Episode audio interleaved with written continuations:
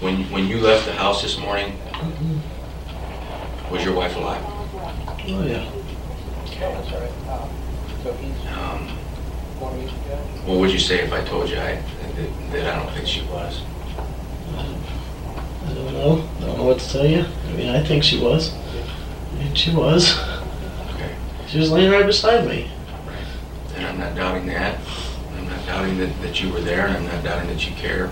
But I am, I am doubting that she was alive when you left this morning.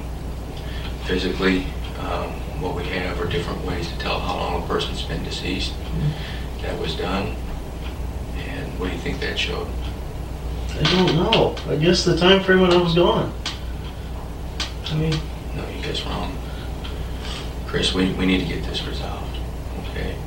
You can't argue with physical evidence. I'm not trying to argue with it. All I right. don't. What, what I'm telling you is, there is no other explanation, there's no other reason that the information we have would support what you're telling us. That it can't. It can't. You've told us a story and we've gone over it numerous times. You know what? We walk, walk out to Justin, maybe, maybe we missed this. Let's go in and talk to him about this and just make sure that we're not missing something. Let's give him every opportunity to tell us exactly what happened and, and maybe we're missing something. So that's why we go out and we come back in and we go out and we come back in. I did have to use the restroom, that was legitimate, but we go out and we come back in. And we felt very comfortable that we were giving you every opportunity to tell us something that was going to contradict the information that we had. Right, we, we've got this information, you're saying it, and, and, and we're giving you opportunity to, to give us something contrary to what you told us before, so that, okay, yeah, all right, that would make sense. That hasn't happened. I'm just That, telling that hasn't happened. happened. Listen, man, she wasn't alive when, when you left. She was alive. She she wasn't. was. She was laying right beside me. to me. We can go back and forth with this all day long, but the physical evidence doesn't lie. man. She was she was not alive when you left this morning. The children weren't alive when we left this morning. Yes, they were. No, come on, Chris. They We got we got to get over this. Now, there's reasons. There's reasons, and that's what we're. That's the point we're at. I want to hear the reasons. Now is when we need to find out what happened, man. It's so important. You're at a great point to be able to help us to try to figure this out. We already have it. We, we already know what happened. We need to know why it happened. I don't know All right, what to listen. tell you. I, Listen, no, you do. You do know what to tell us. No, I don't. Come on, Chris. She was she was not alive when you left. The children were not alive when you left. You know that's true,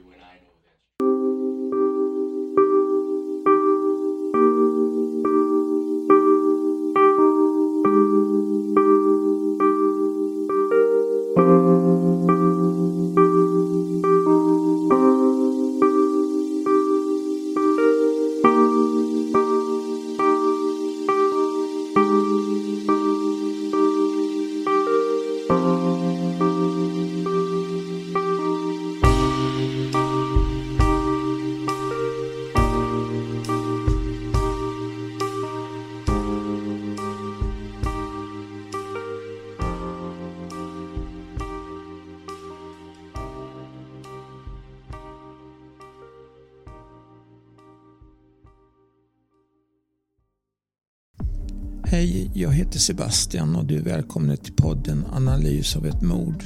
Dagens fall handlar om ett utav USAs mest hatade man, Chris Coleman. Han kallas också för The Original Chris Watts som syftar på ett liknande brott som hände i nyligen närtid. Motivet bakom det andra fallet hade liknande paralleller, men denna historia dock mycket sorgligare.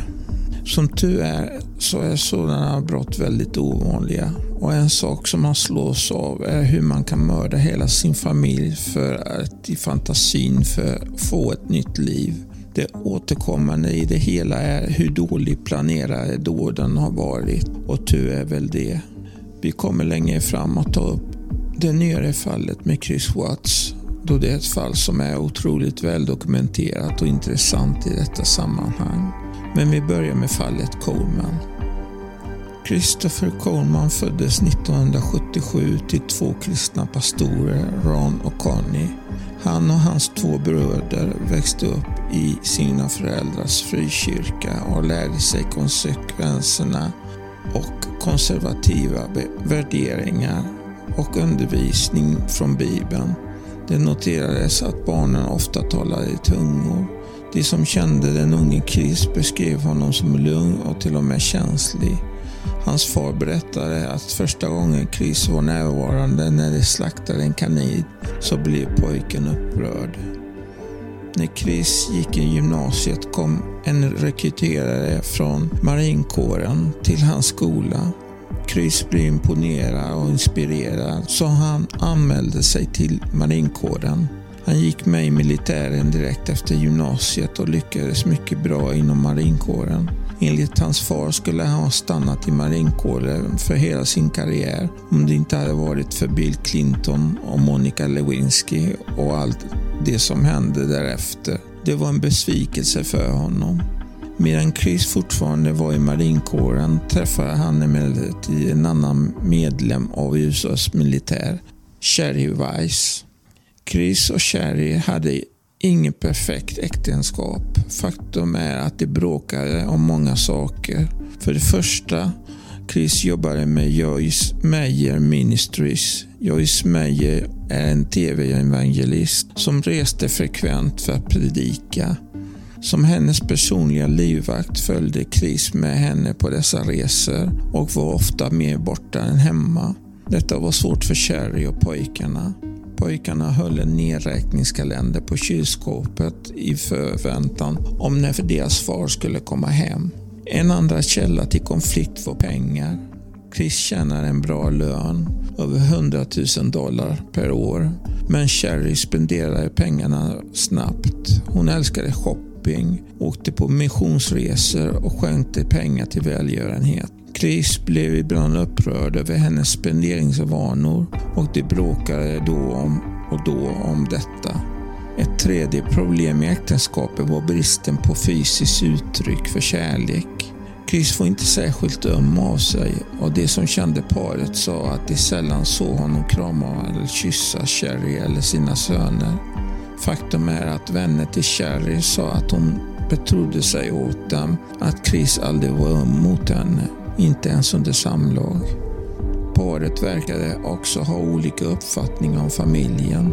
Kiss konservativa familj accepterade aldrig riktigt Cherry. Cherry var kärleksfull och öm som mamma. Hon var rolig och hennes barn var hela hennes liv. Kiss var mer den stränge disciplinära fadern som hade höga förväntningar på sina barn i allt från uppförande till idrottsprestationer. Trots turbulensen i äktenskapet var Sherry fast besluten att lösa saker med Chris. Hon berättade för sina vänner att hon helt enkelt älskade honom för mycket för att ge upp äktenskapet. I november 2008 blev saker och ting mycket värre i äktenskapet. Chris berättade för en vän att han planerade att skilja sig från Sherry men tänkte vänta till efter helgerna för att prata med henne. Samtidigt berättade Sherry för en vän att hon misstänkte att Chris hade en affär. Hon hade introducerat Chris för en vän och misstänkte nu att de båda två hade en romantisk relation. Trots allt detta var Sherry fast besluten att få äktenskapet att fungera. Chris hade också tveksamheter kring skilsmässa då det kunde äventyra hans position på Joyce Meyer Ministries eftersom att skilsmässa inte ansågs förenligt med kyrkans värderingar. Paret hade ändå andra bekymmer att oroa sig för. Chris hade börjat få dödshot genom Joyce Meyer Ministries Televangelisten tjänade stora summor pengar genom sina taluppdrag och sin verksamhet och vissa människor ansåg att hon missbrukade de medlen. Det var inte ovanligt att vissa otrevliga e-postmeddelanden kom och brev kom också in men det verkade nu att dessa hot var mer riktade mot Chris Goldman. Dödshoten anklagade Joyce Meyer för att predika skitsnack och hotade Chris Colemans familj genom att säga “Jag kommer att döda dem medan alla sover”. E-postmeddelandena och breven kom till Chris arbets-e-post och direkt till Colemanhuset. De fortsatte att komma och blev allt mer hotfulla. Chris hade skickat dem till den lokala polisen som höll ett extra koll på huset när Chris var på tjänsteresor. Hans granne, en polis från Columbia Police Department, hade en kamera riktad mot huset ifall det behövdes. Det sista brevet kom i april 2009 och sa Det här är mitt sista varning. Din värsta mardröm kommer att inträffa. På morgonen den 5 maj 2009 lämnade Chris Corman sitt hem klockan 05.45. Han körde över floden till St. Louis för att genomföra sin morgonträningspass. Han sa att han ringde Sherry några minuter efter han lämnade huset för att se till att hon var vaken. Han sa att han ringde och skickade flera meddelanden till henne den morgonen men fick inget svar.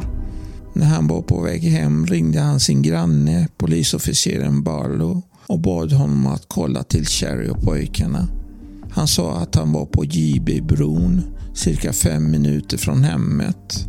En annan polis möter upp detektiv Barlow, Colemans granne, vid Colemans hem. De två upptäcker snabbt ett fönster med skärmen borta på baksidan av huset. De kallade på förstärkning medan de gick in i huset. Båda beskrev en överväldigande doft av sprayfärg när de kom in i huset. Osäkra om någon fortfarande var i huset var de försiktiga och hade dragna vapen. På väggarna var det spraymålat med följande uttalande. Bestraffad. Jag ser alltid. Och du har betalat. Klockan 06.56 anlände Chris Coleman hem. Med medvetenhet om att detta förmodligen inte skulle sluta bra bad officeren honom att stanna utanför medan de gick upp på övervåningen. Det noterades snabbt att Chris hade tagit 13 minuter för att göra det som normalt borde ha tagit 5 minuter att köra. Myndigheterna gick upp på övervåningen och fann de avlidna kropparna av Garrett, Gavin och Sherry Coleman. Polisprästen meddelade Chris Coleman att hans familj var döda. Han sjönk ner på marken och började gråta.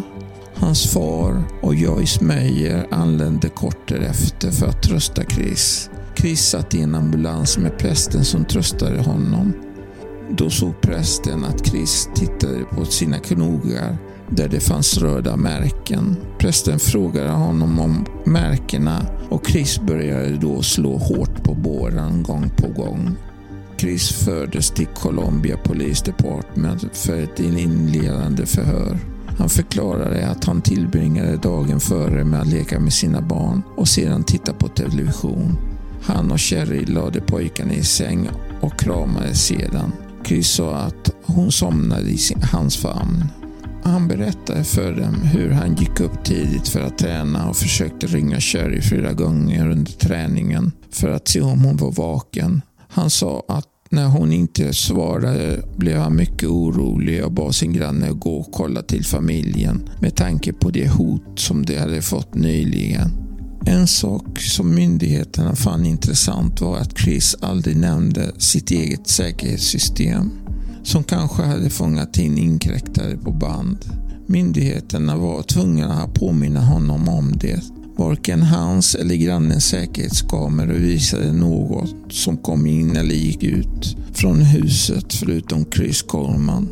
De frågade Chris om äktenskapsproblem, vilket han mestadels förnekade.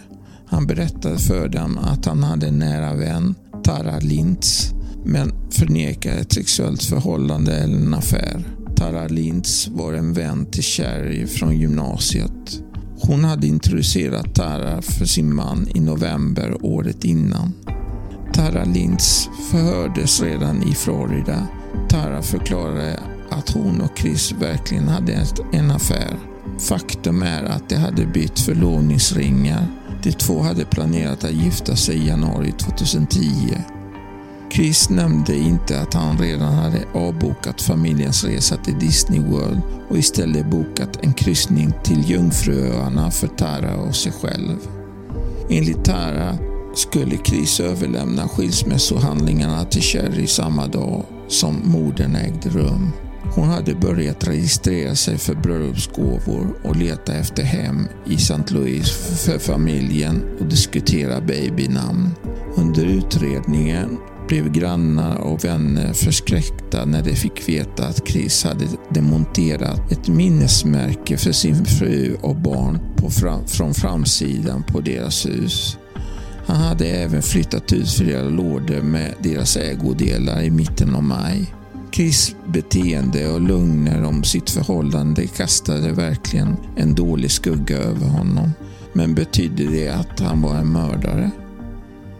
DNA-testerna kom tillbaka från Cherrys naglar var det förenligt med Chris Coleman.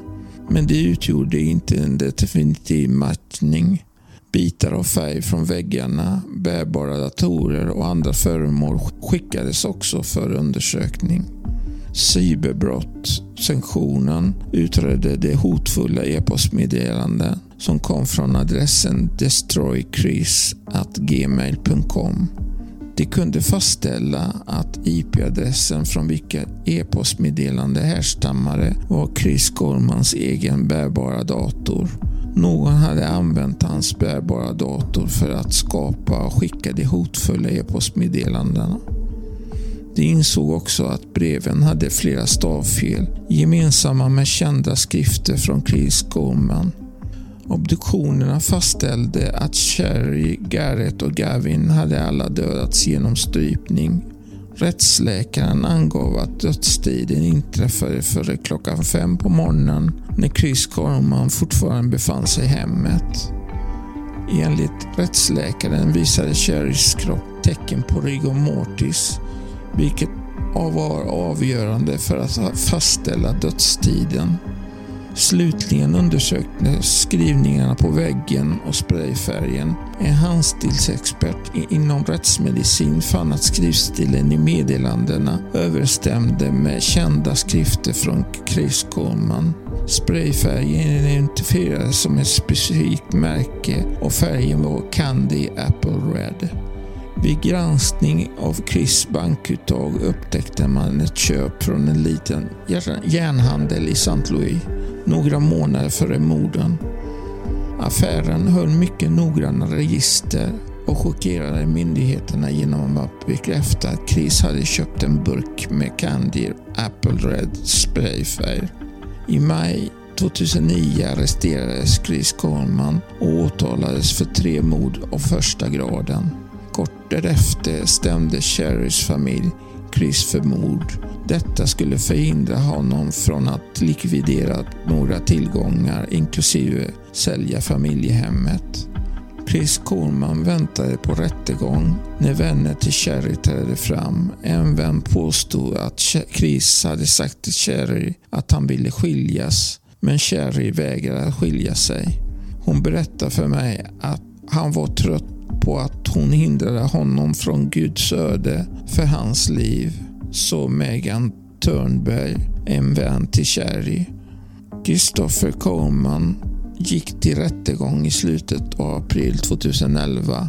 Huvudvittnet var Tara Lintz, krisälskarinna och Cherrys vän från gymnasiet. Tara vittnade om att de två hade utbytt förlovningsringar, deras framtidsplaner om provokativa bilder som hon skickade till Chris och liknande bilder som hon hade fått skickat till henne. Dr. Rai Naduri, patologen, vittnade om att hon inte kunde fastställa en exakt dödstid, men baserat på leverns temperatur trodde hon att det var mellan klockan 03.00 och 05.00. Dr. Michael Baden, en världsberömd patolog, vittnade om att hans analys satte dödstiden till cirka 03.00.